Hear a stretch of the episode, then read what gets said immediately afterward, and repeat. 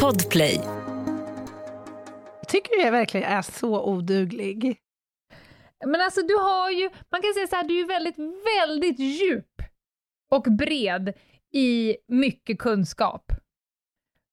Men däremellan är du ju väldigt, väldigt tunn. Så till den milda grad att man undrar hur du får ihop det. Ja, men är inte det, är inte det liksom generellt för alla människor? Ja, men kanske specifikt för Ginghede. Ja, okej.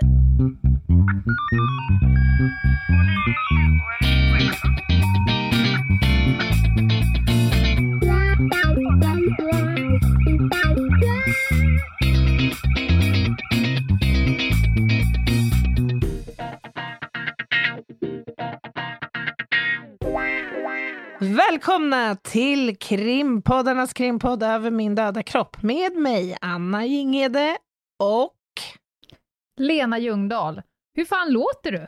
jag låter som att jag har varit på Finlands kryssning, en tredagars kryss. Mm. Och Spela gratis sjungit- bingo i dagarna tre. Sjungit karaoke och druckit Ja. Koskenkorva.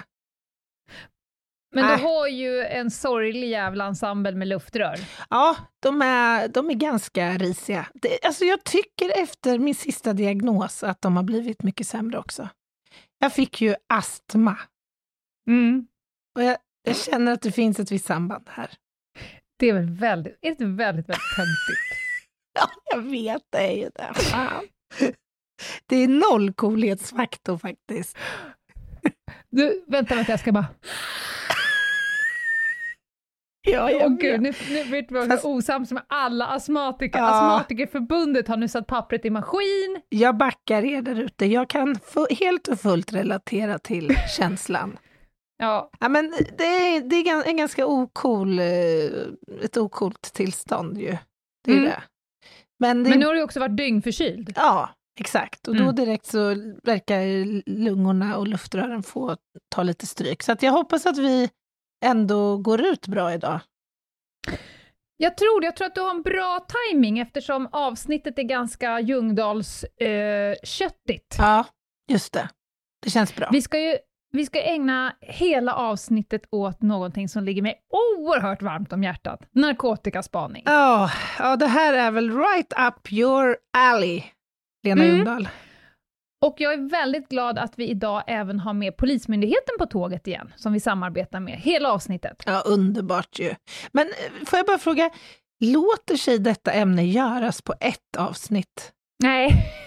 Nej, man kan säga så här att vi kommer nibbla i kanten. Vi har varit inne på det tidigare och vi kommer garra komma till det igen. Men det. idag har vi en inriktning där jag kommer beskriva lite av det juridiska rum som man tid för annan eh, vevar i och inte vevar i som spanare. Alltså vad det är som reglerar spaningen rent juridiskt. Och det kommer jag hänga upp utifrån två händelser i veckan där jag är ganska säker på att jag har haft span på mig. Va? Ja, Va? det, det, så kommer det bli. Sen ska vi eh, prata om några andra saker, svensk spaningsverksamhet och sådär. Sen kommer vi gå på paus och efter pausen, då Mm. kommer en, en härlig människa, Martin. En jätte, jättestor människa. Ja, och snäll. Ja, men är man stor då och stark, Ja, då, då måste man måste man vara snäll. Han jobbar med, om man tänker att jag har jobbat mycket på skalan liksom dolt, långsiktigt eh, och nermalande verksamhet, så jobbar han ju mer sekundoperativt med eh, narkotikabekämpning på eh, Norrmalm i Stockholm. Och det kommer Mm. efter pausen. Så avrundar vi med din jätte, jätteviktiga lista. Ja, det kommer bli ett kanonavsnitt där. Jag tror det. Men jag måste börja med att säga, i förra avsnittet så sa jag att jag hade varit i Umeå och gjort tre intressanta saker. Och sen nämnde jag bara två av dem, Just på ett det. väldigt opedagogiskt sätt. Ja. Jag glömde det viktigaste. Ja. Jag var ju uppe på polisutbildningen i Umeå och föreläste för hundratals superhärliga eh, blivande poliser. Mm, underbart. Vad härligt. Ja! Och Man längtar ju nästan så- tillbaka lite till den där tiden. Ja, exakt så var det. Man var liksom Exakt så. oförstörd på något vis. Så os, som, som oskuld nästan. Ja, men de är liksom, om man blickar ut över havet, för det var absolut fullsatt inne i den här aulan, eh, om man blickar ut ha över havet så ser man ju ett gäng människor som är 10 centimeter öppna för Ja. vad fan man kastar på dem. Mm. De är, så, de är liksom testade fysiskt, psykiskt, de är eh, liksom team players, de är på väg. Motiverade. Ja, alltså, och då kände jag så här, här har jag en dold agenda. Jag ska snacka, jag pratade om spaning och hemliga tvångsmedel och sånt, som man inte får så mycket av på skolan. Jag skulle säga i princip ingenting, Mm. av den enkla anledningen att man kanske inte så, egentligen så uh, mottaglig. Bekänt av det. Nej. Exakt. Men jag tänkte att här gäller det att smida medan järnet är varmt. Några av dem här inne ska i alla fall få ett litet frö sått i dem, med ett Mm. litet embryo. Kanske är det spanare du ska bli framövers. Ja, det, jag tror att du lämnade åtminstone 20 spanare där uppe. Jag, jag hoppas det. Och då kom det ju mycket frågor, framförallt hur spaningsverksamheten är uppbyggd. Eh, och de vet ungefär lika mycket om spaning som våra lyssnare förmodligen. Och Mm. det har de utifrån eh, böcker, TV, eh, serier, filmer. Just det. Och vi har ju pratat om det här tidigare, jag är lite allergisk inför tanken att så fort du tar av dig en uniform så är du helt plötsligt en spanare. Ja. Eh, ungefär som att om jag, ska, om jag tar din teknikerväska, då är jag kriminaltekniker. Det är lika dum tanke. ja, det är en oerhört dum tanke faktiskt. Ja, ja, exakt. Och, eh, men jag tror att kanske den tanken eh, dyker upp av den enkla att det finns inte riktigt en, en definition av vad spaning är. Nej. Det är väldigt flummigt begrepp. Eh, polisiärt så finns det ju utbildningar, och om man söker spaningstjänster, då brukar det stå som så här att du ska ha gått NPS grund och NPS fördjupning. Mhm. Och NPS betyder nationell personspaning. Det är ett nationellt koncept som polisen började med från 2013 ungefär. Okej. Jag tillsammans med cirka 30 andra i Sverige var först ut Mhm. eh, med att ta, ta det här konceptet till Sverige från Nederländerna och sen utbildade vi massa instruktörer runt om i Sverige och sen så har den där utbildningen spritt sig. Och det här tror jag att vi har pratat om i tidigare avsnitt, Mm. vad det går ut på, men det handlar ju egentligen om att jobba snabbare, mer pricksäkert och mer effektivt, för att man ska kunna få ut så mycket information ur svåra och komplexa ärenden på så kort tid som möjligt, istället för att vänta och vänta och vänta och Mm. vänta. Mm. Eh, så det är ju då NPS. Och då finns det ju NPS-spanare, det är de som har gått den utbildningen. Precis som att du har gått en kriminalteknikerutbildning, en hundförare har gått en hundförarutbildning och sådär. Just det. Eh, sen kan väl jag kalla mig hundförare om jag vill, men jag är ju inte det om jag inte har gått hundförarutbildningen. så kan man väl säga. Ja. Nej. Sen så finns det någonting som heter NIGS, och det är nationell ingripande spaning. Då går det Mm. snabbare.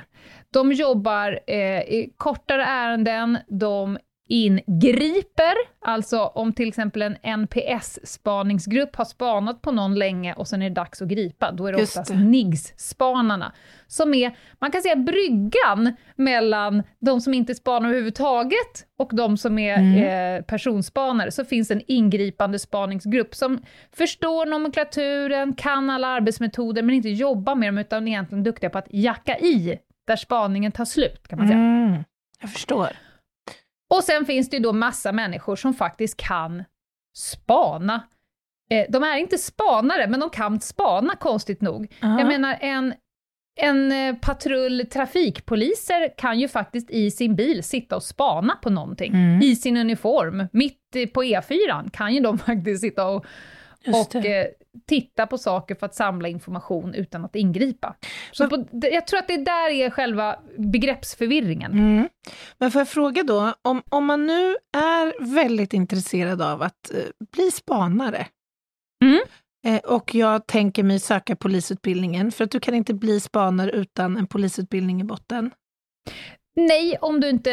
Eh, tullen har ju egna Ja. spanare till exempel. Men ja, du Ja, men- kan inte bli en civilanställd spanare Precis. inom polisen. It's a no. Hur ska man då lägga upp sin plan och sin strategi för att nå dit? Ja, men vilken jävla bra fråga.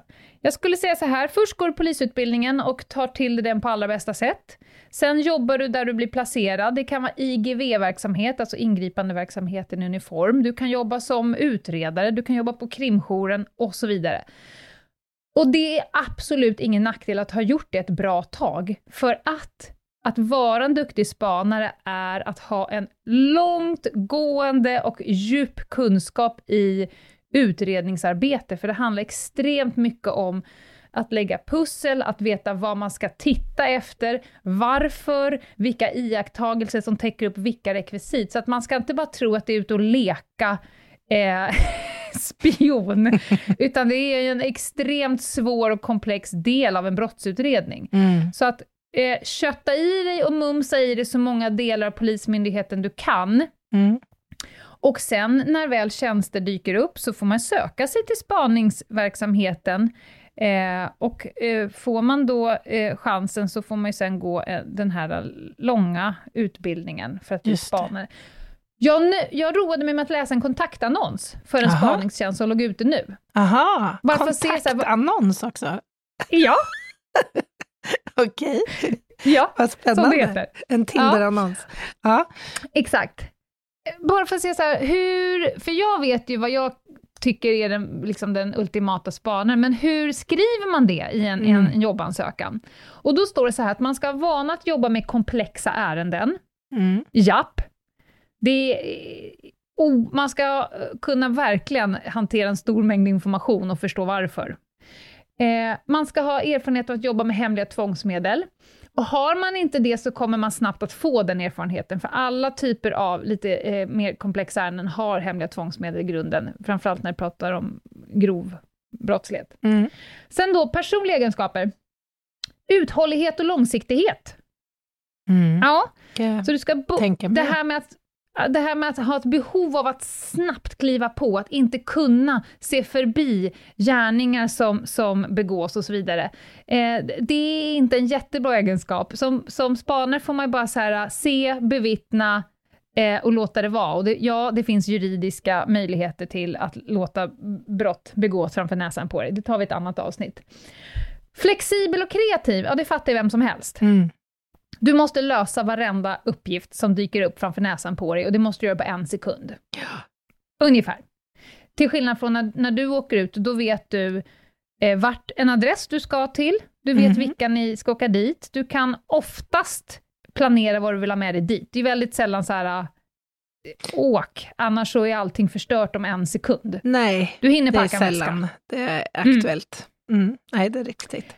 Eh, som spanare så vet du ju aldrig hur närmsta fem minuterna ser ut. Det beror ju på vad personen du spanar på väljer att Mm. göra. Mm. Sen står det noggrann och strukturerad. Ja, och det av den anledningen att eh, du kommer om ett och ett halvt år behöva vittna under ed för Mm. varje iakttagelse du har gjort. Och det är jättesvårt eftersom du gör iakttagelser under jättemånga timmar. Mm. Prestigelös och engagerad stod det som sista. Prestigelös, 100%, för annars så skaffar du inte själv modet att våga vara kreativ om du lägger på dig en stor prestigepåse. Mm. Och engagerad. Alltså spaning eh, är väldigt lätt om man eh, åker ut i sin bil och väljer att inte titta så noga och inte tänka så mycket. Då kan Just du egentligen bara surfa runt i tio timmar, utav, för det är ingen som kommer ge dig ett jobb. Det är Nej. ingen som kommer säga åk dit, gör det, utan du måste engagera dig. Så att ni som känner så här, fan, det här, ska, det här är jag, ja då blir det sök ett Polishögskolan, Mm. eller polisutbildningarna som det heter nu. Och sen rör dig mot span. Grundpelarna i spaningsverksamheten, det är ju att du måste vara på rätt plats vid rätt tillfälle. Du måste liksom glida in i Mm. situationen vid exakt rätt sekund. Eh, Och där måste du vidta rätt åtgärder. Om det är att filma, att lyssna, att fota, att skriva ner någonting, att köpa en kaffe, att stå på huvudet, att göra en piruett, eller vad nu som kan krävas av den Mm. situationen. Mm. Eh, så att personerna som du spanar på eh, inte fattar att du spanade. För de flesta utgår från att de har span på sig. Just det. De kommer alltså att titta på dig Mm. och eh, syna dig vid sömmarna. Mm. Och det måste du vara helt bekväm med. Sen sa ju jag att jag hade haft span på mig. Ja, du nämnde ju det, vad spännande.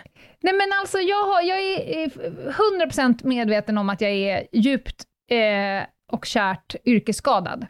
Ja. Och jag tittar ju på människor för att jag älskar att titta på människor. Och jag tittar ju ofta på människor för utifrån att så här, om du hade varit spanare, hade det du har gjort nu varit bra eller dåligt? Och så Mm. utvärdera, alltså, du skulle ha gjort sådär. Alltså jag hör en lång slinga. Mm. Fan, det är inte helt lyckat med den där handrörelsen och nu tycker jag att du vänder lite snabbt. Jag liksom spelar upp det där hela tiden när jag ser människor.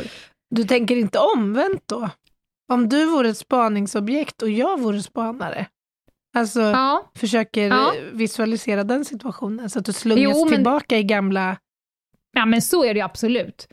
Absolut. Jag kan ju eh, roa mig själv, gud det här är ju, jag framstår ju som kanske inte helt frisk, men när jag går in i en mataffär, du Ja. vet man går in med en person ungefär samtidigt, då har man ungefär samma rörelsemönster. Ja, Det är fruktdisken och sen är det samma. kolonial och sen är det sådär. Mm. Jag kan ju liksom följa en person under 40 minuter och se hur mycket kan jag plocka upp om den här människan, av den enkla att vi handlar samtidigt. Skostorlek, kan jag överblicka någonting du gör i din telefon, kan jag titta ner i din matvagn och konstatera, har du dejt ikväll, Mm. eller har du barn hemma, bor du i hus, har du stor frysbox i frysen, Mm. nej, sådär. Det kan jag absolut hålla på med, på ett väldigt stört sätt inser jag ju. Men vid två tillfällen nu eh, senaste veckan så känner jag så här, fan jag har span på mig. Den ena var igår när jag åkte buss. Jaha. Då satt det en man helt ogenerat och filmade mig i, Va? på bussresan. Mm, det är absolut. Oklart varför. Jag såg väl rolig ut kanske. Jag hade hatt och... Ja, Du kanske Så. var igenkänd? Alltså Det tror jag inte. från podden och så? han såg inte ut som en poddlyssnare. Nähä? Nu, okej. hur de ser ut, apropå profilering, hur ser en poddlyssnare ut? Han gjorde inte det. Nej.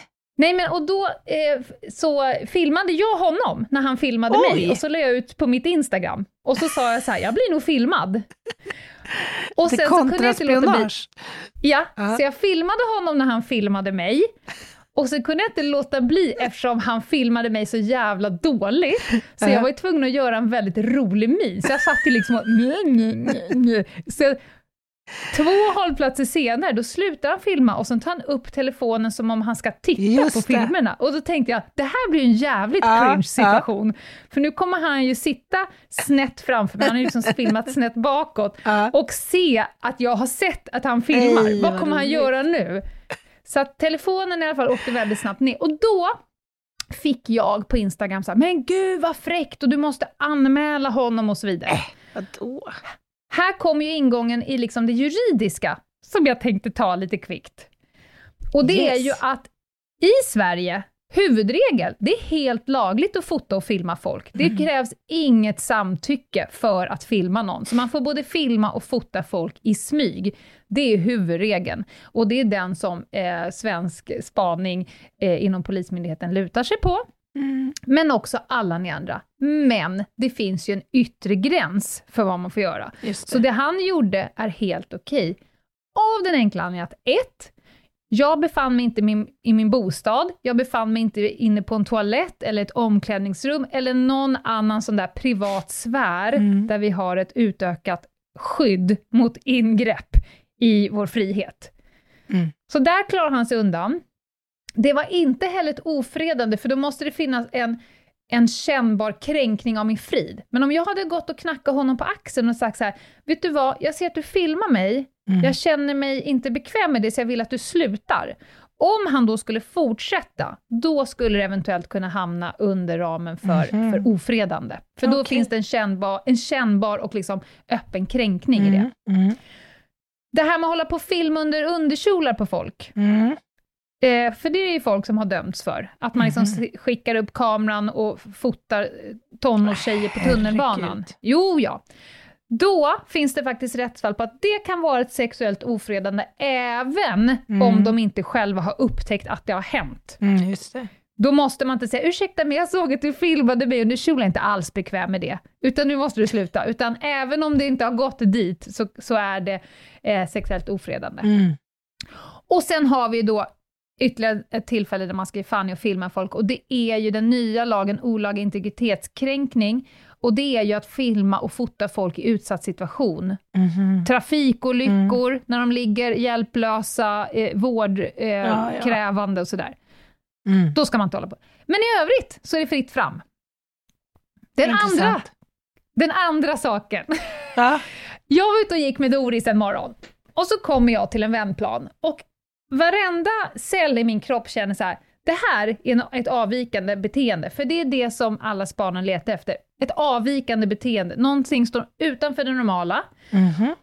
och eh, någonting som spanare försöker undvika. Hon gjorde någonting som triggade mig, och hade det, hon det varit... stod någon i vändzonen alltså? Ja, det stod, jag kommer till det. Aha. Men hade, hade hon varit en spanare så hade jag velat ge henne väldigt mycket feedback på hennes spaningsinsats, för att den var inte så bra. Och här kommer den. Okej. Hon stod alltså, ser en, en strandpromenad, vatten, glittrande vatten, det finns flera bänkar längs vattnet där man kan sitta och blicka ut över en vacker sjö. Aha.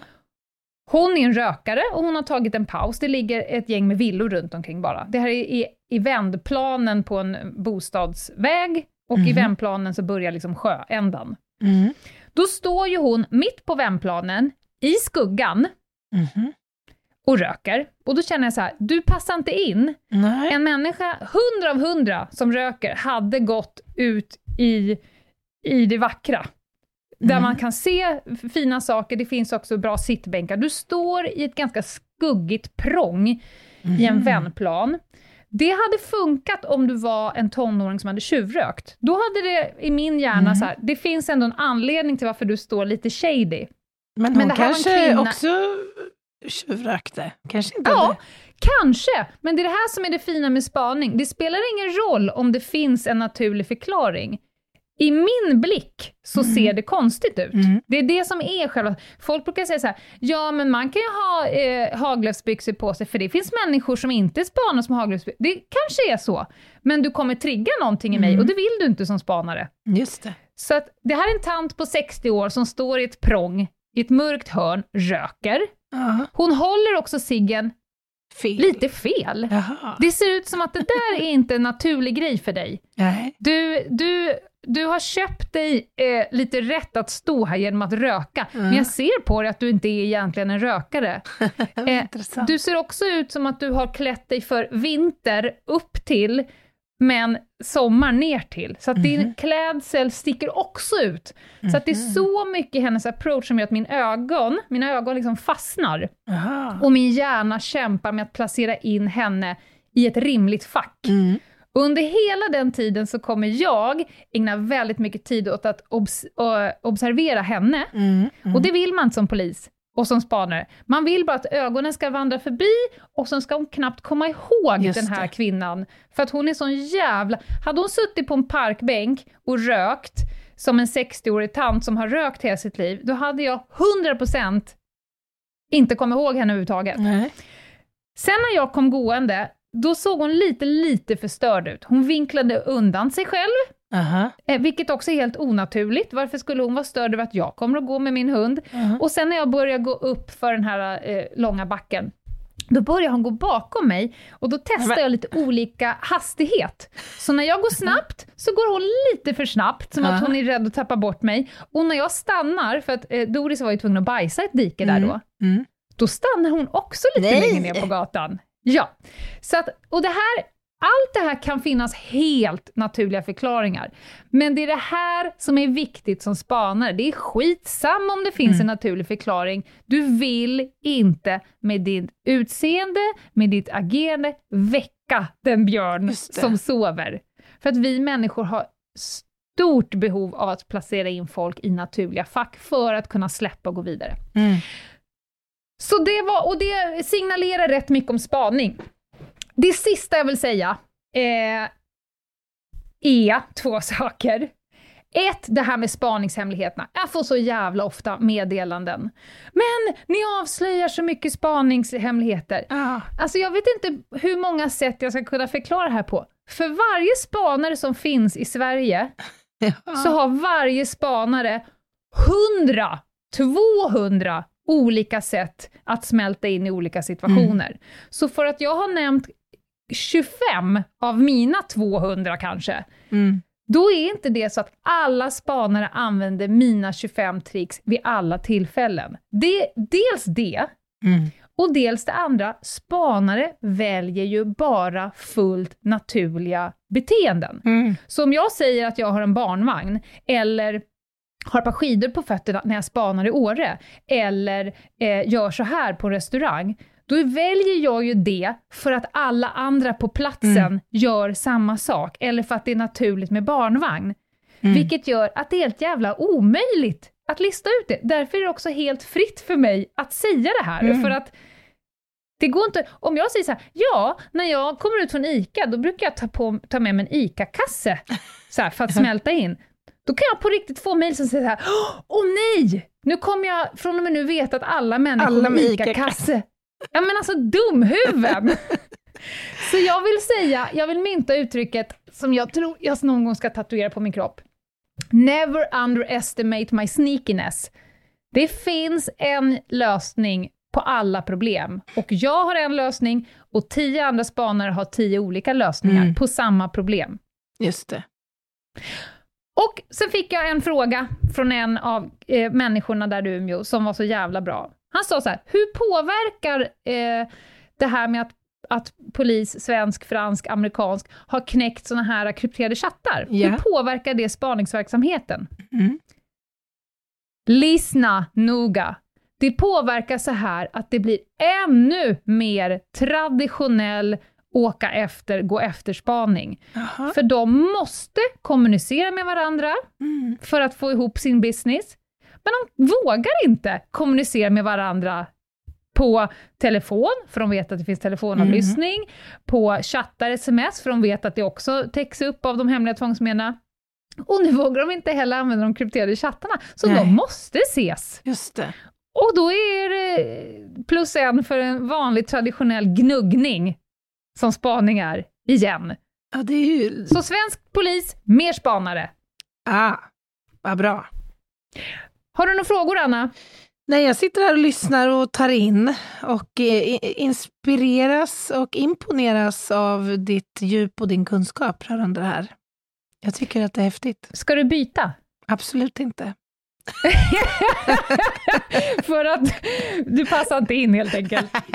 Jag tror att fan, alltså jag ska säga så här, jag skulle vilja göra ett test. Om jag hade fått dig någon dag och bara liksom, för att du har, du skulle kunna notcha upp vissa delar av din appearance. Mm. Eh, ditt, din glamour, om du bara ger fan i ditt robusta Jinghede Sweden eh, canvas-grejerna. Om, du har ju en annan sida hos dig som är liksom Hollywood, ja, dyr, liksom... Just det. Eh, Jag vill västkust. se dyr ut.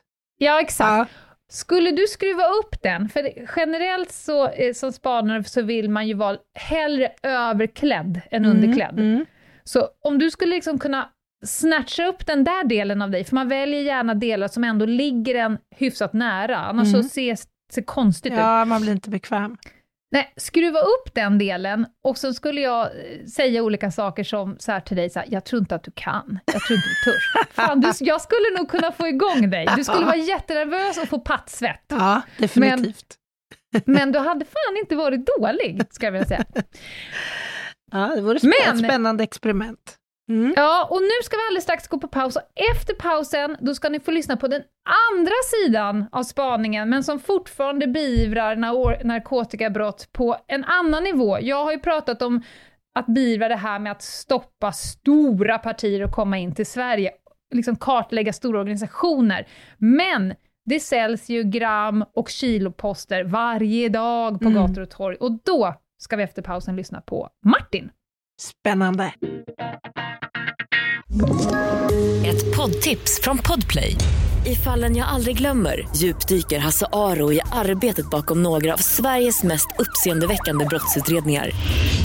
Går vi in med hemlig telefonavlyssning och, och då upplever vi att vi får en total förändring av hans beteende. Vad är det som händer nu? Vem är det som läcker? Och så säger han att jag är kriminell, jag har varit kriminell i hela mitt liv men att mörda ett barn, där går min gräns. Nya säsongen av Fallen jag aldrig glömmer på Podplay. Då sitter jag återigen i Podplays fantastiska studio. Oliver sitter vid spakarna. Jag känner mig lugn och trygg. Och en ny gäst framför oss. Och den här gången hälsar jag Martin Hemlig välkommen. Tack. Eh, jag älskar ditt efternamn. Vi stannar där. Du är hitbjuden av oss och vi har fått ditt namn av Polismyndigheten för att prata om eh, narkotikaspaning, narkotikabekämpning.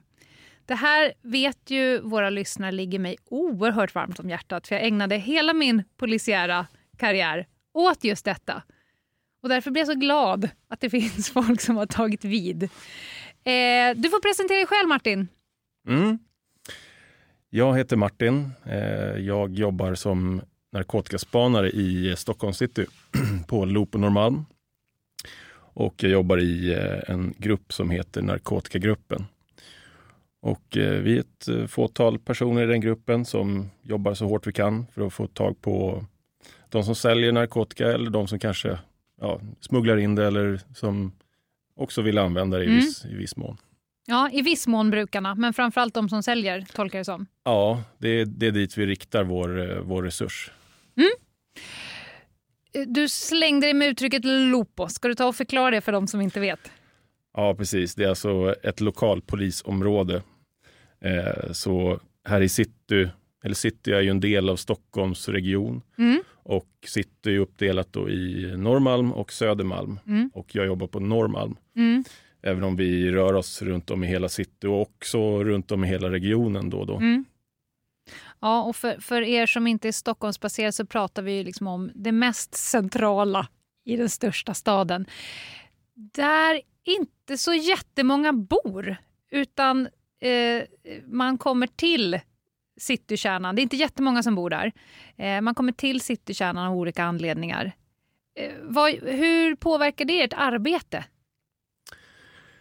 Ja, jag skulle säga att det påverkar arbetet på det sättet att vi kanske inte har lika många fokuspersoner som, som alltid, eller som bor här inne och som opererar här inne på, på det sättet som man kan se ute i förorterna. Mm.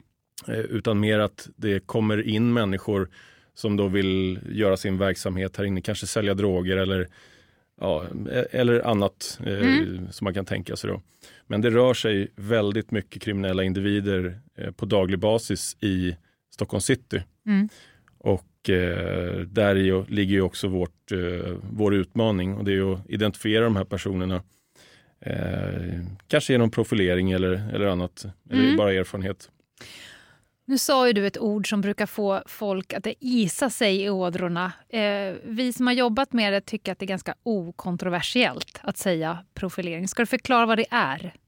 Ja, eh, profilering det är någonting som jag jobbar med dagligen och eh, ja, tyvärr också på fritiden. Eh, ja, det är en yrkesskada. Ja, verkligen. Ja. Eh, och det är ju ett, det är ett sätt för mig att identifiera personer som kan, som kan tänkas eh, göra någonting eh, som är olagligt eller som skulle vara intressant för vår verksamhet på något sätt. Mm. Eh, och det är alltså att jag, jag, jag, tittar på personen, hur den rör sig, hur den för sig, hur den pratar. Mm. Eh, kanske vem den pratar med.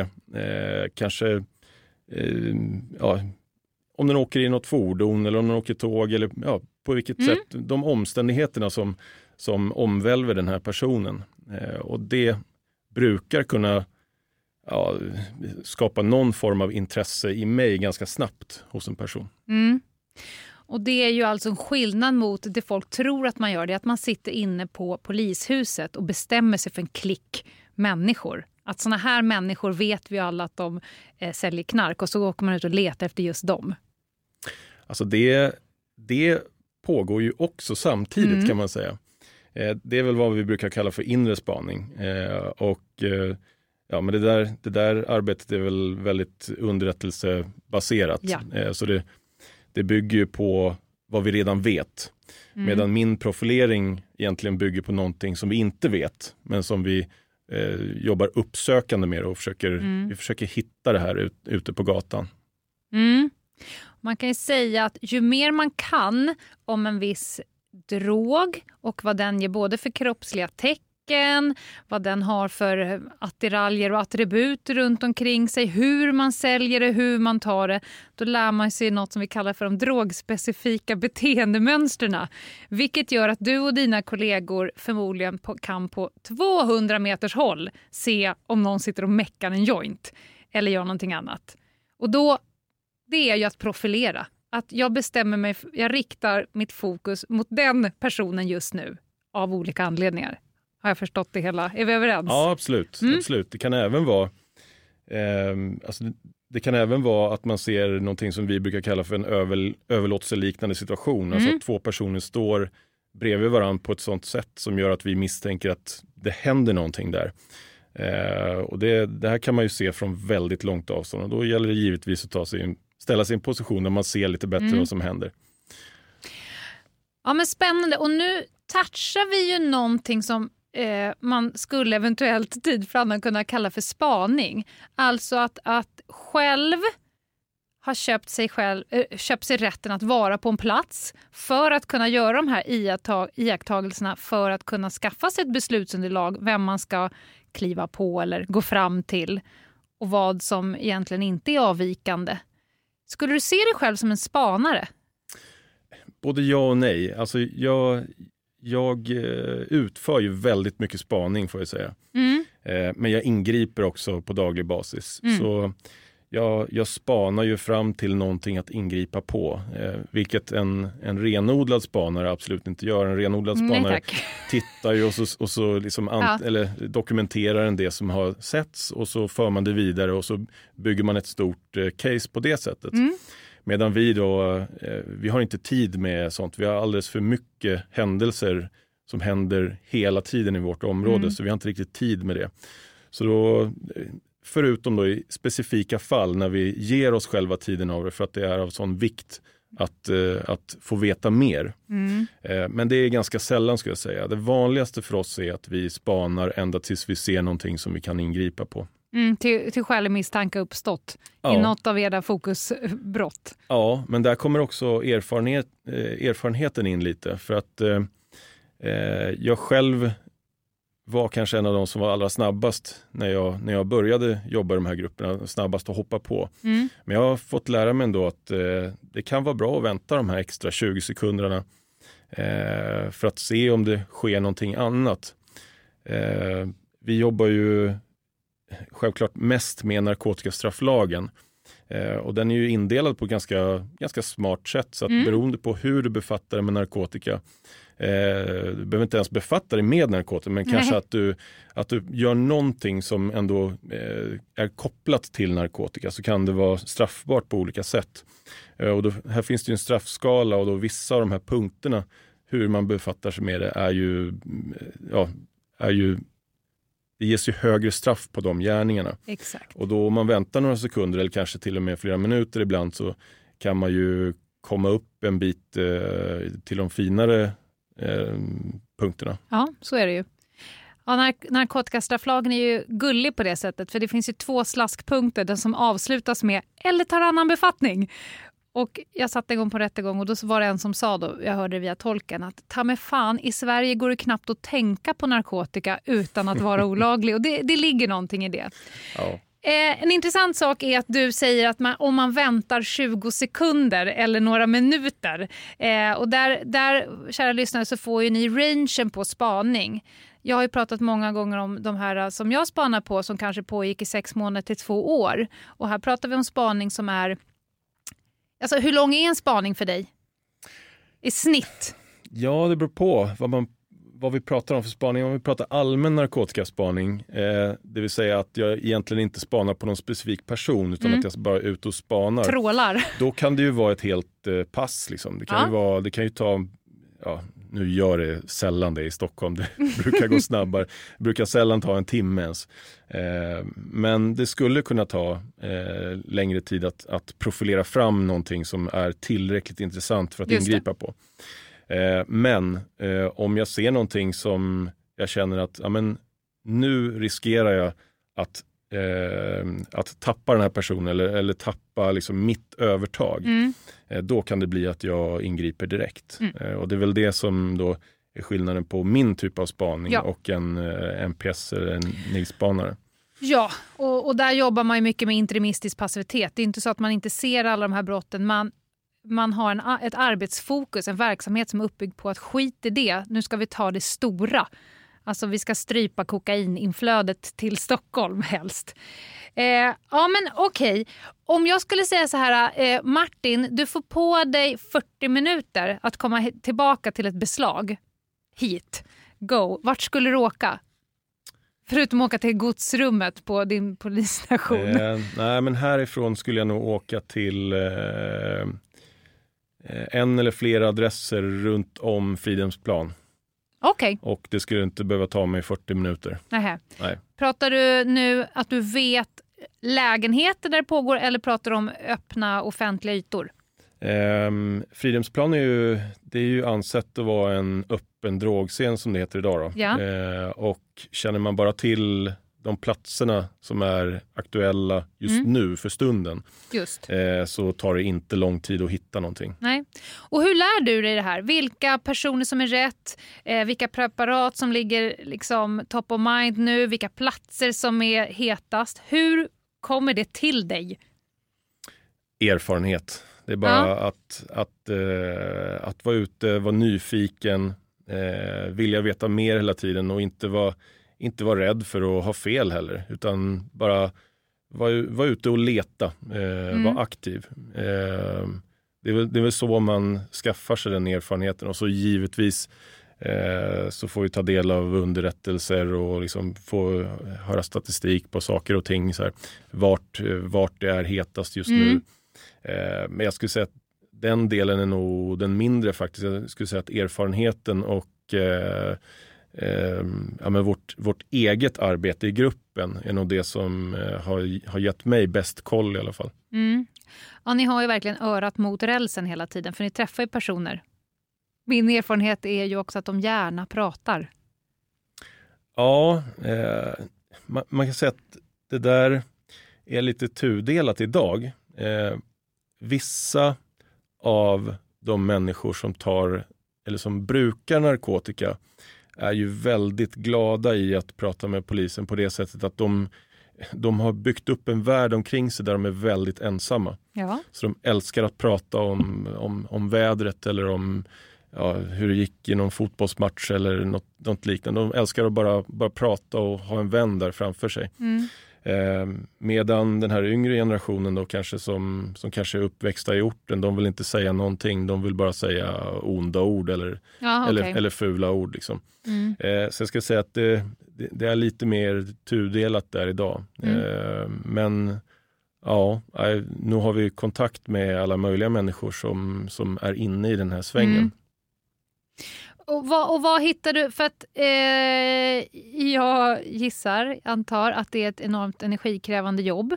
Alltså det är ingen som kommer och springer på er och eh, anmäler sig själv som målsägande eller vittne eller misstänkt för den delen. Vad hittar du dina drivkrafter i att orka hålla på och tråla och prata med människor och ner i fickorna och pissa här och vem har fått det här? Och alltså, var hittade du eh, elden för det här?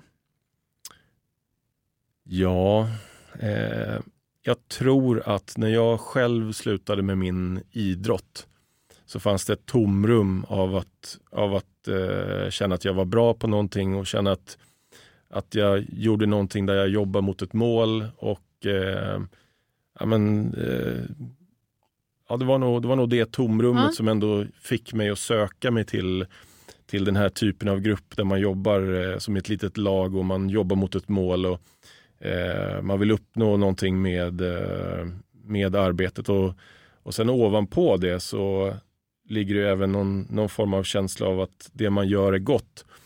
Eh, och det är ju tillfredsställande nog. Eh, så ja, eh, senaste tiden har jag ju bara hållit på med det här i stort sett. Mm. Och eh, ja, jag känner mig väldigt nöjd med vart jag är någonstans. Kul!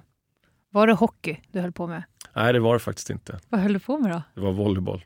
Volvo, du ser jävligt stabil ut. Ja, men jag var kortast i mina lag. Ja, jag, Men eh, jag hade andra, andra fördelar. Jag Bra baggerslag. Ja, snabb och, snabb och bollsäker. Apropå snabb, du, vi hade lite innan vi satte igång räckknappen här, eh, så, så, du, eh, så sa jag ju till Oliver så här, jag tror inte du törs, ta pistolen och spring nu. Och Oliver var ganska snabb så att nej, det kommer jag inte. Eh, varpå du sa att du, du kommer aldrig lyckas, jag är jävligt snabb i starten. Hur, hur många har sprungit ifrån dig? Ja, jag kan inte minnas någon som har sprungit ifrån mig.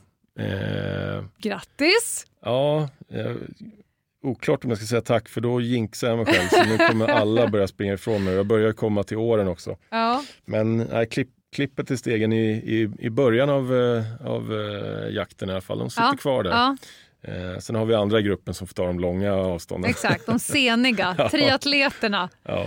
Ja. Nej, men okej. Eh, det hörs ju lite att du tycker att det är väldigt roligt. Du sa det också rakt ut att du trivs väldigt bra. Um, hur... Om man säger så här, när du kommer till jobbet, då träffar du din grupp. Det var dit du ville, liksom, du ville jobba team, lite som ett lag. Hur, hur fördelar ni er? Vad, vad, hur ser en vanlig dag ut? Vad, hur ser din arbetsvardag ut, mer än att du är ute och, och jagar folk? Ja, min vardag är väl att jag kommer till jobbet, eh, loggar in i datorn, eh, kanske avslutar något, eh, något PM eller något, eh, någon form av avrapportering från dagen innan. Mm. Och eh, ja, men kollar det senaste, man går in på eh, i, våra polisiära system och liksom tittar på an, nya ansikten och eh, sånt här. Och, ja, men lite underrättelseinformation och sånt som jag, som jag gillar att suga i mig. Mm. Eh, och sen så sätter man sig ner och pratar om eh, hur det gick eh, dagarna eller, eller om man ja, inte varit med eller så där, bara för att uppdatera varann. Eh, och sen bestämmer vi oss för vad vi ska göra idag. Eh, och ibland får vi ju det till oss uppifrån, alltså uppifrån organisationen Mm. att nu ska ni jobba mot det här. Mm. Eller så är det fritt att hitta på vad vi själva vill. Ehm, Så det är väl, och sen åker vi ut och gör det. Eh, Dagar, kvällar, nätter? Ja, mycket dagar och kvällar. Eh, mot helgerna blir det lite mer eh, in på natten eh, och kopplat till, krog, eh, till krogmiljöer och så.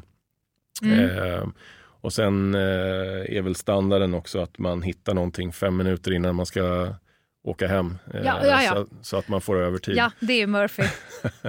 Exakt. Händer varenda gång. Händer varenda gång. Och det är knark som är ert fokusområde. Eh, hur många timmar av ditt liv ägnar du åt att eh, försöka prata hål i huvudet eller få hål i ditt huvud av eh, eh, olika typer av eh, drogliberala och legaliseringsvännerna? Ids du eller? Ja, alltså, jag, jag gillar ju att ta den där diskussionen. Mm. Eh, jag, är, jag är en människa som gillar diskussioner. Mm. Jag gillar att höra när någon annan inte tycker som jag. Eh, för jag känner att det är min chans att, att lära mig någonting nytt. Eh, just i det här fallet så brukar jag faktiskt inte ta diskussionen med dem. Dels för att det är för tidskrävande. Ja. Eh, men ibland när, det, när man ändå sitter och väntar på någonting och man kanske har en, en yngre förmåga framför sig. Mm. Eh, då brukar jag, då brukar jag eh, ta mig tiden att, eh, att ta den där diskussionen. Mm.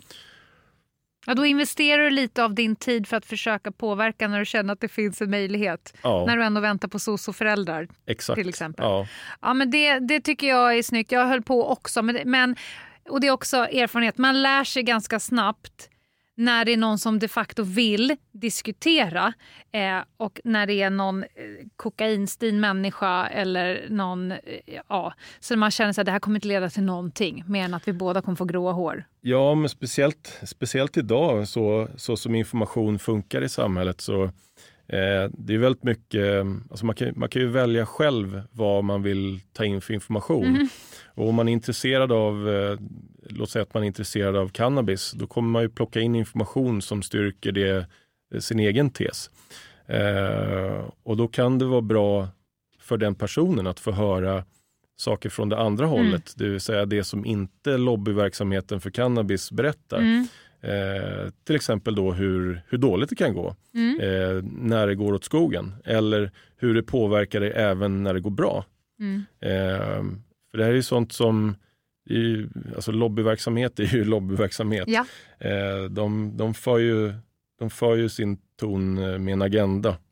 Eh, och det är ju menat att, eh, att, att lura folk, även om vissa saker de säger absolut stämmer. Ja. Eh, så är det ju ändå menat att få personen över på din sida så mycket så att det inte går att dra tillbaka dem. Exakt.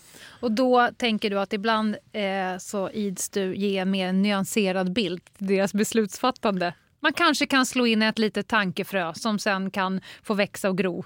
Ja, och jag tror att min, ehm, min, mitt ställningstagande är ju inte att jag sitter och berättar för personen hur, hur himla dumt det här du håller på med är. Nej. Jag försöker bara berätta ur en så objektiv eh, synpunkt som möjligt vad det är jag vet Mm. eh, om vad som är dåligt med det här. Och sen för, för, för jag kan ju inte, jag kan ju aldrig någonsin tvinga personen att inte begå de här gärningarna eh, framgent. Eh, så min enda chans är ju att förklara för personen hur det ser ut från min synvinkel och sen får den ta med den i sina egna beräkningar. Och så får man hoppas då att någon gång kanske den här personen bara säger Nej men vet du vad, nu, Mm. nu börjar jag känna igen mig i den här liksom, eh, dåliga spiralen eller den här tråkiga narkotikatrappan som den här polisen pratade om. Mm. Eh, och att den själv då kanske kan säga nej när det börjar komma till den punkten. Eh, för att i min, i min erfarenhet så kommer alla som börjar med narkotika någonstans komma fram till en punkt där man måste säga ja och då kommer det gå dåligt. Mm. Eller säga nej och då kommer det gå till det bättre. Mm. Jag håller med. Eh, kan man så det här lilla fröet så kommer personen förhoppningsvis eh, längre fram eh, toucha saker som, och då kommer kanske det här fröet komma till sin rätt. Vad var det hon sa? Eller vad var det den här Martin sa? Det kanske ligger något i det. Jaha, eh, om nu du skulle få rekrytera en ny arbetsgrupp till Lopo, Norrmalm narkotikagrupp. Vad är det för knippe eh, egenskaper som du tycker behövs för att kunna utföra ert jobb på ett bra sätt? Vilken drömuppgift. Ja, Eh, ja, egenskaper hos eh, mina kollegor som, ja, som jag verkligen skulle vilja ha. Jag, jag skulle vilja ha ett gäng nyfikna poliser eh, som gillar att eh, lägga näsan i blöt.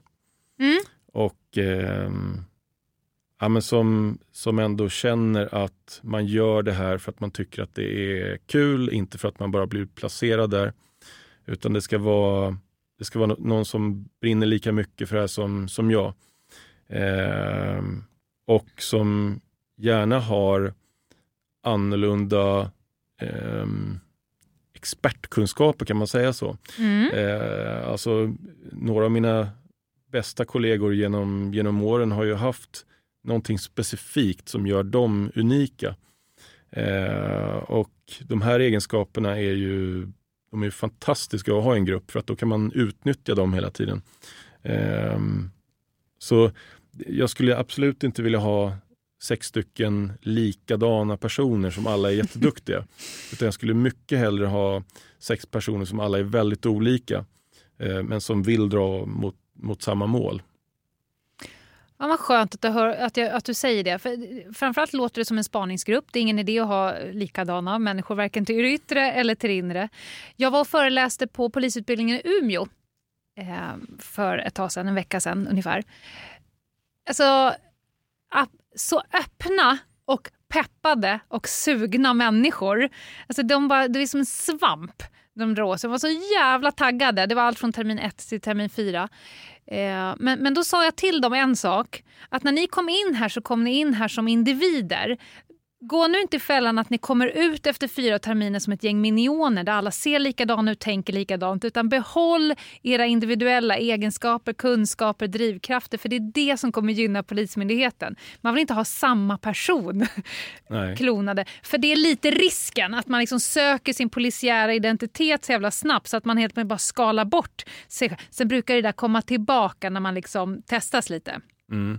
Jag tror att det är en, det är en fara för nya poliser eh, att, man, att man råkar trilla in i det där. För att jag, de, det är ju nästan alltid så att man börjar i uniform och att man börjar på den ingripande delen. Och, Och där, där är det lite mer att alla ska bete sig lite, lite liknande och man ska, liksom, saker ska göras på det här sättet. Eh, du ska vara där precis eh, Mm. där och då. Och du ska Man börjar dig så. prata likadant till och med. Ja, precis. Jo, men det är alla börjar slänga sig med polisiära termer Ja. och så här. Eh, och där någonstans så finns ju en risk att man, att man tappar det som skulle kunna göra dig väldigt, eh, väldigt unik. Mm.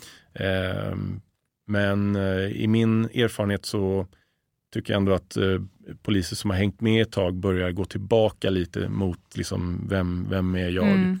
Det kommer nog med tryggheten tror jag. Säkert. Apropå uniform, måste ju påpeka att jag blev rätt så förvånad när du gled in i blåställ. Och eh, damerna här som sitter på andra sidan korridoren, de har ju suttit tryckta mot glasrutan med sina näsor. eh, det kanske inte är jättevanligt här uppe på, på, på Podplay. Men eh, what's up? Ja, nej, dagen till ära så fick jag ha uniform på mig. Eh, och det är för att vi eh, kör en liten insats nu mot, eh, mot eh, doping. Ah, Okej, Och eh, ja, det är ju hyfsat nära besläktat med narkotika i alla fall. Dopinglagstiftningen ser likadan ut. Så då har, de, eh, då har de tänkt att då ska vi vara med och jobba mot det här. Och en liten del av den här insatsen ska ju vara uniformerad. Och jag tyckte väl att det var en ganska skön, eh, ja men som får lite blandning Ja. i, i, eh, i min tjänst. Så jag inte bara springer runt i, i, i mina låtsaskläder. Eh, utan det var lite kul att få uniform så då, då, då fick jag bli en Du av dem som... nappade? Ja, Ja, alltså den enda gången jag satte på mig uniform det var ju när jag vittnade för att det är ingen som känner igen den när man tar av sig den. Men jag skulle också vilja säga det är fan inte dumt att spana ibland i uniform. För det finns en kategori personer som när det kommer in uniformerade poliser, trafikar eller på en Segway och så vidare, då kan de stå med kiloposter i fickorna och rör sig inte ur fläcken för de säger att det, de har bedömt poliserna som det där är inte de som med narkotika. Så kan du spana i uniform, det är inte helt dumt. Säger du emot? Absolut inte. Det där kommer direkt från min erfarenhet också. Eh, flera gånger när man har satt på sig uniform så känner inte ens de personerna som känner igen mig alltså på en sekund Ja. i, i mina civila kläder känner inte igen mig. Och eh, allt som oftast så brukar de ju bli väldigt passiva. De, eh, de tror ju inte att jag ska bli intresserad Nej. av dem eller att jag ska De gå ner i deras fickor. Eller så, ja, precis. Utan eh, nej, men, eh, det går att utnyttja till, eh, till, eh, till min fördel, absolut. Det kan till och med vara så att man står och spanar i uniform. Man behöver inte alltid, man kan stå bakom en det gör ingenting att alla andra tittar. Det funkar det också för mig. Mm. Eh, eller att man står och tittar genom ett fönster kanske, eller att Mm. man har någon liten, eh, någon liten eh, plats där man står och gömmer sig. Funkar också. Eh, men just den här fördelen att de, att de inte tror att jag Nej. är en kapabel eh, narkotikapolis Exakt. som kommer bygga upp en skälig misstanke och gå ner i ens fickor. Eh, den den Försprång. vinsten, ja, För att de profilerar ju lika mycket efter er som ni profilerar efter dem. oh ja, om inte mer. Om inte mer, dygnet runt. Det är därför vi lyckas. Eller vi, alla som håller på med den här typen av verksamhet. Det är därför man lyckas, för de orkar inte uthålligheten att leta avvikande beteende jämt. En sista fråga innan jag ska släppa iväg dig. Inte så att du får jaga doping. Om du fick önska vad du ville, vad skulle det vara? Det kan vara en ny lag, det kan vara en ny utrustning och så vidare. Det får bara vara kopplat till ditt yrke. Det får inte vara fred på jorden.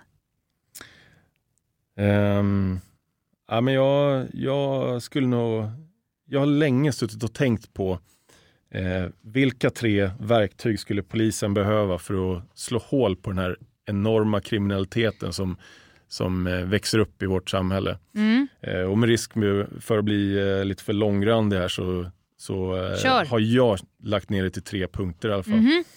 Du är Ehm, medveten om att du nu alldeles strax kan bli rikspolischef om du löser det här? Oj, oj, oj. Ja. Kör bara, kör, jag lyssnar. Vi får hoppas att idéerna är så bra. Eh, men min idé är att man ska utveckla lagen om utvidgat förverkande. Eh, det är alltså en lag som idag gör att man får ta saker från kriminella människor om det når upp till vissa, eh, ja, till vissa kriterier. Mm. Och de kriterierna är alldeles för hårda idag. Okej. Eh, Så enligt min mening så ska det vara så att eh, om man kan misstänka att en sak eller, eller pengar eller klocka eller bil eller vad kan tänkas vara eh, härrör från eh, kriminell verksamhet, eh, då ska man ta den direkt och förverka den till staten. Eh, så det är min idé ett. Och det, är, och det svider? Ja, det kommer svida mm. och det kommer ta bort pengarna och det är det som är det roliga med att vara, eller det är det de tycker är häftigt och roligt med att vara mm. kriminella. Så det kommer minska incitamentet att vilja leva i den världen mm. tror jag. Eh, sen vore ju en idé då att eh, eh de här förverkade pengarna kanske går till vidare polisverksamhet på något sätt. Alltså för att nu idag så ligger vi efter. Vi har inte tillräckligt mycket med resurser för att ta hand om allt det här som Nej. finns. Och desto mer vi tar med en sån lag, desto mer kommer vi behöva jobba. Eh, jag, jag träffar ju på kriminella individer väldigt ofta som har massvis med pengar, massvis med eh, alltså, fina och dyra eh, klockor, saker på sig. Ja. ja. klockor, bilar och så vidare. Mm. Men vi kan väldigt sällan ta dem. Nej. Eh, det blir ofta en misstanke om någon form av penningtvätt och sen läggs det ner. Ja. Eh, så en, den, den lagen skulle jag verkligen vilja Alltså de två i kombination har varit jätteroligt. Att ta pengarna ifrån dem och säga att det går in i polisverksamheten. Ja, de finansierar det, alltså själva ja, nya poliser. Exakt, och det, det, fina med det är ju också att det där kommer ju vända på sig. När vi inte längre har någonting att ta, mm. då kommer ju resurserna inte komma in till oss längre och då behöver vi inte lägga ner så mycket resurser på det här. Eh, men så länge, så länge man fortsätter ta saker från ja. dem så ja, det, det blir jobbigt, mm. riktigt jobbigt att vara kriminell. Och jag vet, jag vet bara av, i min under min tid som polis så skulle jag ha tagit flera miljoner alltså som, jag, som jag inte ja. har kunnat ta, mm. men som jag har velat ta. Jag, fatt, jag förstår att det här härrör från brottslig verksamhet. Mm.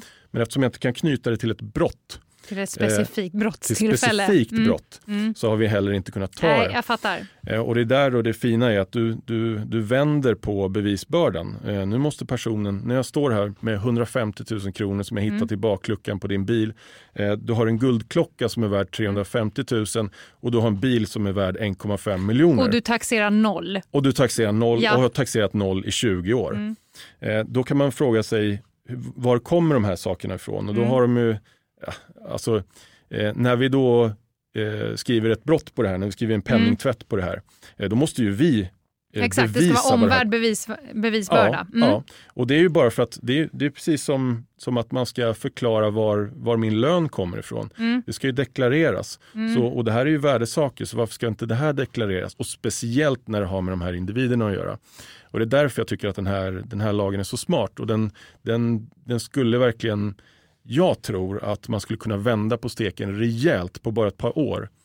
Eh, Geni! Vi kommer tagga in varenda jävla politiker i det här avsnittet. Hoppas att de lyssnar. Ja, vad har du? du hade punkt tre också. Ja, jag har faktiskt en punkt tre. Mm. Eh, och det är att eh, vi som myndighet menar jag nu, vi känner ju till vart det ligger narkotika, vart det ligger pengar, vart det finns eh, ja, alltså föremål som härrör från brott till ja. exempel.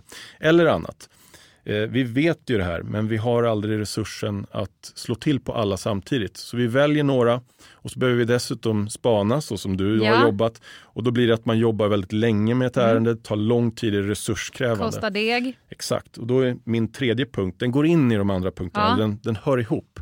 Och det är att vi som polismyndighet och kanske till och med tullen på, eh, eller, någon annan liknande myndighet ska då kunna utföra en husrannsakan utan att förklara varför mm. man gör den. Eh, och då ska det givetvis komma upp till några kriterier och det här ska bedömas av någon som inte är direkt vi som ska åka ut. Exakt. Eh, så det ska kontrolleras. Mm. Men eh, vi ska inte behöva förklara varför och det är enbart för att vi inte ska behöva Eh, för att vi inte ska behöva ge upp våra underrättelser. Exakt. Eh, och när underrättelserna då är tillräckligt bra så kan vi bara åka dit och så kan vi plocka de här 100 kilona. Mm. Eh, och, och det här skulle då givetvis Även om man inte hittar någon person som man kanske kan knyta det med, inte ens kanske med mm. fingeravtryck eller något liknande. Få bort då har vi, skiten. Då har vi fått bort skiten. ja. eh, och då behövs det inte att man lägger två års spaning på de här individerna. Eh, och det behövs inte att, eh, ja, att man lägger tid och kraft på det här utan man bara pang, ja. nu är det borta. Mm. Eh, och så fortsätter man jobba mm. på det här sättet. Det svider i någons ficka ja. men vi vet inte vems. Och då, då kommer det in ytterligare, desto mer vi hittar, eh, ja. desto mer pengar kanske kommer in eh, som, som resurser och då kan vi fortsätta jobba på det här. Eh, och anledningen till varför jag tycker att det här är en så bra idé, det är för att jag, jag vet hur, hur eh, lite effekt vi får i det här målet. Mm. Om man ser målet som den kriminella verksamheten i Sverige så får vi inte liksom den effekten som, som, eh, som man kan förvänta sig av oss. Just för att allting tar för lång tid, det är svårt. Man ska veta att polisarbete är riktigt svårt. Mm. Eh, Ja. ja, och det, det är inte alltid man kommer i mål för att just nu så är det väldigt enkelt att prata bort saker eller komma med en, med en rimlig förklaring. finns för många begränsningar. Ja, Mm. eh, och det här är ju som någon form av motvikt till det. Mm. Eh, ja, så de, de, De, de tre små punkterna Ja. vill du få införlivade. Ja, på det dirr. vore, det vore fantastiskt. Det vore fantastiskt. Då skulle jag redan, redan idag skulle jag dra in ett par miljoner kronor till, eh, till statskassan. staten. Ja. Ja. Vi ska göra vad vi kan för att eh, hjälpa till att puffa på vägen. Eh, jag är så tacksam att du Martin kom och gästade podden och spred din kunskap över ämnet. Tack! Tack. Då är vi tillbaka Anna, du och jag i våra studios. Vad tyckte du om min pratstund med Martin? Ja, men han verkar ju superhärlig. Eh, Och framförallt så undrar jag, kan han vara en ny kandidat för justitieministerposten? Ja, alltså jag var ju inne på det. Han har ju något där och jag gillar kombinationen av att vara operativ, taktiskt, framåt och som en jävla iller Mm. på sitt jobb, så tolkar jag det som. Men också tänkaren, eh, det långsiktiga, hur vi löser det här på ett mer holistiskt sätt. Det är en det. fantastisk kombination. Ja, men jag tror att det har gått upp för väldigt många efter det här avsnittet att eh, spaning innefattar så mycket mer än den här, tror jag, ganska stereotypa bilden som många har av eh, spaning som gestaltas på film, till exempel. Ja. Och att man måste jobba i olika nivåer, kortsiktigt, långsiktigt, med st- stora beslag och mindre Ja. beslag och på olika nivåer och så. Ja, alla delar behövs ju. Om man tänker på en, eh, narkotikaproblematiken som en pyramid, där toppen liksom tar in de stora partierna, och det är ofta internationella ligor. Eh, men det här knarket får ju fötter och traggas ner, och så måste det då jobba poliser på alla nivåer. Mm. Förstagångsbrukare, de som säljer till dem, de som eh, delar upp och säljer kiloposter. Så det finns ju liksom poliser på alla nivåer. Mm. Eh, och det finns ingen hierarki vad som är finare eller, eller eh, sämre, utan allt behövs. Behövs ja. ja. Mm. Tack Martin! Bra! Tack. Eh, samhällsinformation då innan vi går på din jätte, jätteviktiga lista. Ja. ja, vad har vi? Eh, det börjar tunna ut med livepoddbiljetter. Så Mm. är man sugen så är det nu man ska passa på att få sig en biljett helt enkelt. Vi kommer besöka fem städer i maj månad. Eh, information om detta finns på vår Instagram-sida Ljungdahl och Ginghede. Eh, det går också bra att mejla oss på Ljungdahl och Ginghede. Nej, En gång till. Du har den. Jag tror på Det dig. går också bra att mejla oss på hej och Ginghede.se. Kan vi säga någonting om vad vi kommer göra på liven? Vi ska ju snart ha rep, så om inte förr, så, så nu vet ju vi exakt vad som kommer hända. Ja, men det man väl kan säga är att man kommer ju definitivt känna igen sig från podden. Det kommer finnas inslag som vi återkommer till i liksom ljudmediet. Men vi kommer också Ja. vara mer interaktiva nu när vi har möjligheten ju. De sa väl typ att de aldrig har haft en mer interaktiv show? Ja, precis. Att vi sticker ut lite på det sättet, ja. Som livepodd. Ja, alltså det kommer bli jätteroligt. Det kommer ju, de tunga huvudsegmenten blir ju kriminalteknik och spaning i alla dess eh, härliga former. Just det. Ja, ja Det är en kommer bli- utmaning för oss. Men det kommer bli kul. det kan man säga, men det kommer bli väldigt roligt. Någonting annat som kommer mest troligt bli väldigt, väldigt roligt är ju också Annas jätte, jätteviktiga lista. Annas jätte, jätteviktiga lista. Ja men tackar, tackar, vad härligt att få återkomma till en lista. Alltså idag så har vi pratat om eh, narkotika och det tror jag att ganska många människor kanske inte har sett i verkliga livet. Eh, inte heller tror jag att så många har sett en spanare och veta om att det är en spanare man tittar på. Eh, och något annat som jag inte heller tror att de flesta sett, det är några mycket, mycket speciella djur. Säger hon och ler. som Är, det, är det insekt och hopp den igen? Ja, alltså, det, här, det här har något, Lena. Och Okej. jag känner att nu är vi tillbaka lite, två år tillbaka i tiden när vi började med, med listan. Då var Mm. jag lite nere i den här lådan och grävde runt och nu kände jag att det var dags igen. Det finns Mm. så mycket här att hämta.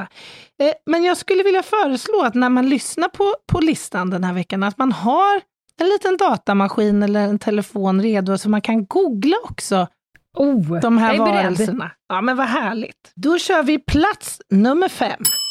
Då skulle jag vilja prata om Naked Mole Rat, eller kalrotta, eller nakenrotta. Naked Mole Rat. Mm. Du vill att jag bildgooglar? Åh gud, det är ju en, en så att säga penis. ja, men det, är som, det är alltså en, en råtta som är helt naken. Alltså den har ingen päls, den har morrhår. Eh, Fan, den ser ju ful. ut alltså då, för er som inte har möjlighet att googla, den ser ut som en, jag skulle vilja beskriva den som en rå kycklingfilé. Den ser också lite ut som när man gör vietnamesiska eh, råa vårrullar. Man rullar in i sånt här glaspapper. Ja. Men de här Ja. lilla rackarna är superspännande alltså. Jaha. De lever i Afrika, i företrädesvis Östafrika. De klarar kraftig syrebrist, så de har liksom en, en syreomsättning som påminner om många växter. Som Ja. plankton till exempel, som kan leva i extremt syrefattiga eh, miljöer. Eh, så de, de är också kallblodiga. Och de kan gräva så in i bänken med sina tänder. Så Ja, de är, var rejäla. Ja, Men jag gjorde misstaget att klicka på en av bilderna så det blev lite mer inzoomat. Jag tar tillbaka de vårrullarna. Det här är ju 100% en pung med små, små hårstrån på. Alltså det här var ju den deppigaste synen någonsin. Ja, det, det är kanske inte det vackraste djuret man har skådat, men alltså det har mycket att bjuda det här djuret. Det kan Ja. bland annat ge oss jätteviktig och spännande, spännande forskningsresultat om vårt åldrande. För det här Mhm. är nämligen en art som inte åldras på samma sätt som andra eh, typer av eh, då, eh, mullvadar och råttor och allt vad det nu är. Okej. De kan alltså bli 30 år gamla, de här rackarna. Mhm, Ja, det är mycket för såna här små jävlar. Verkligen. Och dessutom så drabbas de inte av cancersjukdom. Så Hmm. det är någonting i deras ja, system, fysiologi, som gör dem motståndskraftiga. Och det är ganska Ja. unikt bland många, många djurarter. Mm, Så det här tycker jag är spännande. Verkligen. Okej, är du redo för plats nummer fyra då? Oh ja. Då skulle jag vilja prata om den stjärnnosade mullvaden. Eh, och det här är en speciell typ av eh, mullvad som blir knappt 30 centimeter lång och väger knappt 50 gram. Alltså den är ungefär, ser ut som en hamster i storlek. Och den är Ja. nästan helt blind, den här lilla rackaren. Men den har en otroligt häpnadsväckande egenskap, nämligen näsan. Den här näsan har 25 000 små, små receptorer som kallas, kallas för Eimers organ. Men det ser ju mest ut som ett anushår. Ja, det gör ju det. Det är lite olyckligt faktiskt att, att, Att ha det framtid, så att säga. att Moder Natur inte tänkte till där, för det, det är precis just det det gör.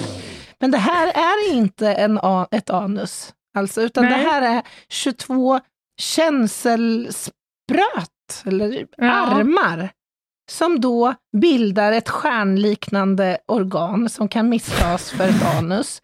Men låt oss Mm. inte glömma då att i den där lilla rackaren så finns det 100 000 nervfiber. Alltså fem gånger så många som finns i människans hand. Finns i, koncentrerat, till Otroligt. anus, eller till näsorganet Ja, så att säga. ja. Är det inte otroligt det här? Ja, det är faktiskt otroligt. Också bra naglar ser jag. Ja, ja, det, ja, det har det ju. Men det är också ganska lätt att förstå att hade den inte haft den här stjärn, stjärngrejen, då hade den ju knappt Mm. kunnat förflytta sig alls, för den ser ju ingenting alltså. Ja. Nej, Coolt ändå. verkligen. Plats nummer tre. Och nu kanske det blir lite under bältet igen. Jag vet inte. Ja, jag- för där har vi ju inte varit på Nej. plats fem och fyra. Nej. Precis. Jag beklagar, jag ber om ursäkt på förhand, men jag kan inte under, eh, undanhålla er The Penis Snake. The Penis Snake. Just det. det, är alltså, det är en, Ja. en, en slags salamander.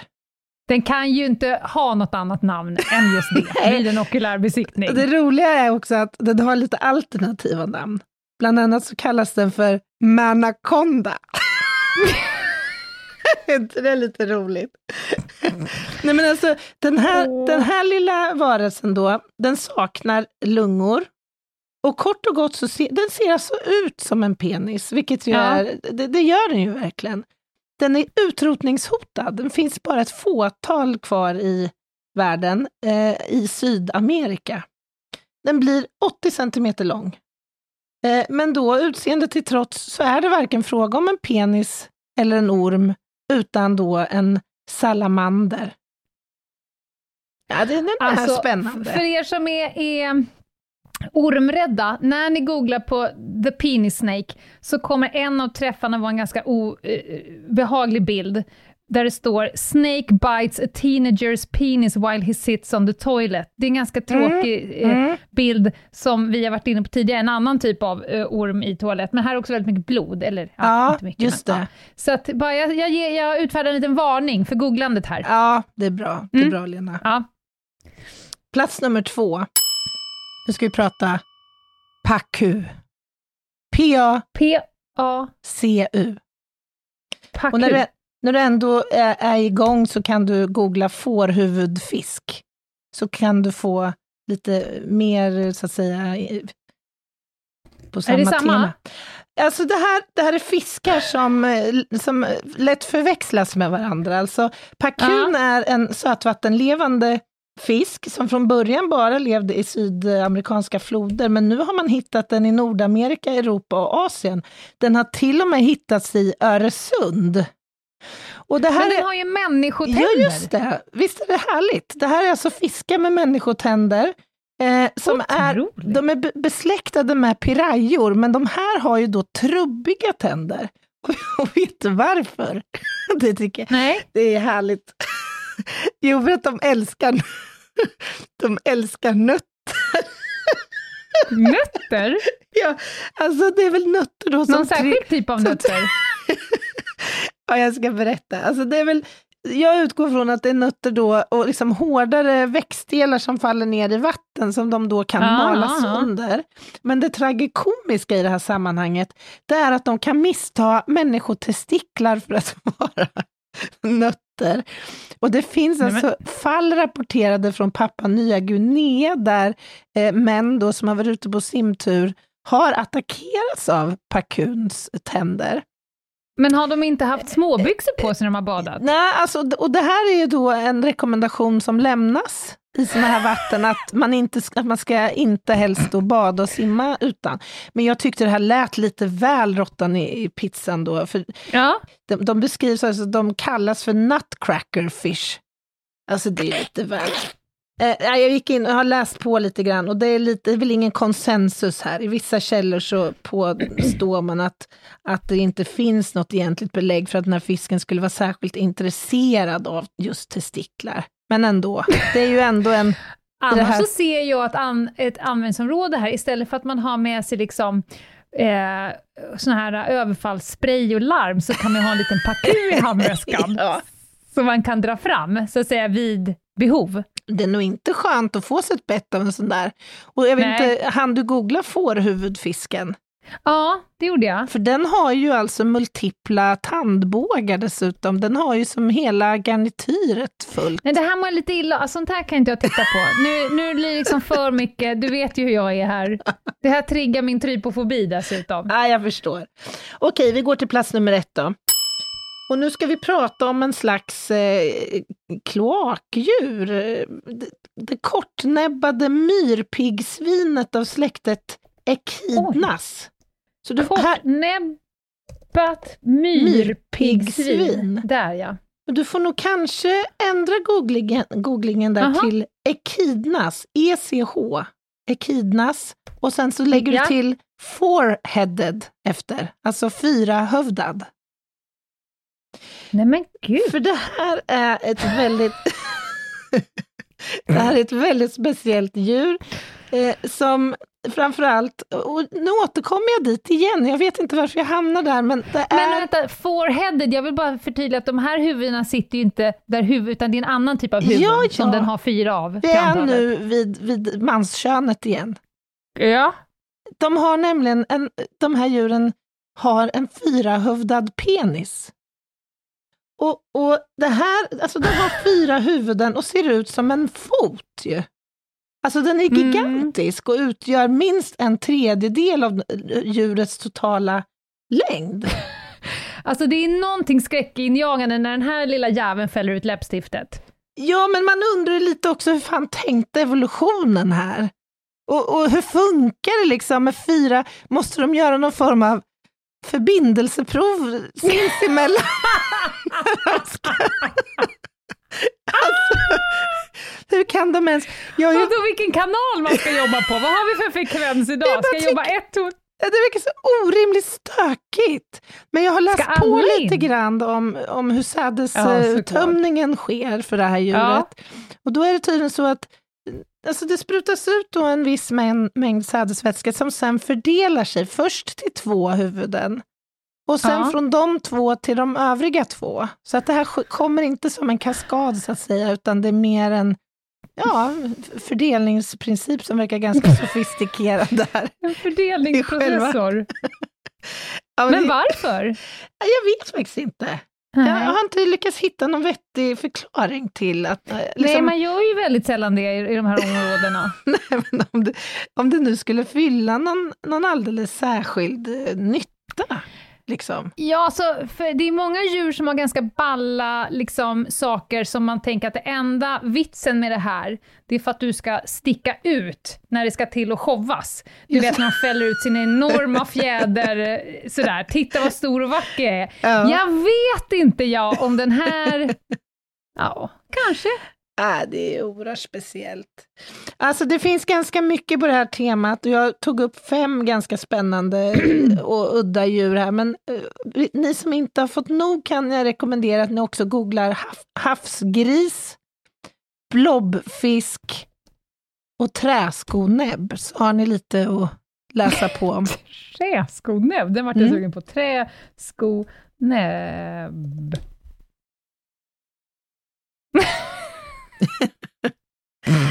Ja, alltså, Ja, det det- här ser ut som farfars gamla kisstofsor. ja, ja. Det är som att de har en stor jädra eh, fan toffla rätt i plocken. Anna, du levererar Åh. precis som vanligt. Ah, Och vad Polismyndigheten ska vara glada för att de sponsrar just den där listan. ja, det tror jag absolut. Det tror jag också. Finns det någonting som är A och O vid spaningsverksamhet är det att finna eh, mental vila och förnöjelse när så tid eh, finnes. Just det. Här har du en hel kartotek av glädje, så att du kan gå upp på tå igen när du ska in och sitta i knät på någon gammal maffia. Ja, det är perfekt. Kul! Ta hand om er och ehm, ja, Vi hörs! vi hörs helt enkelt. Bye, bye. Bye!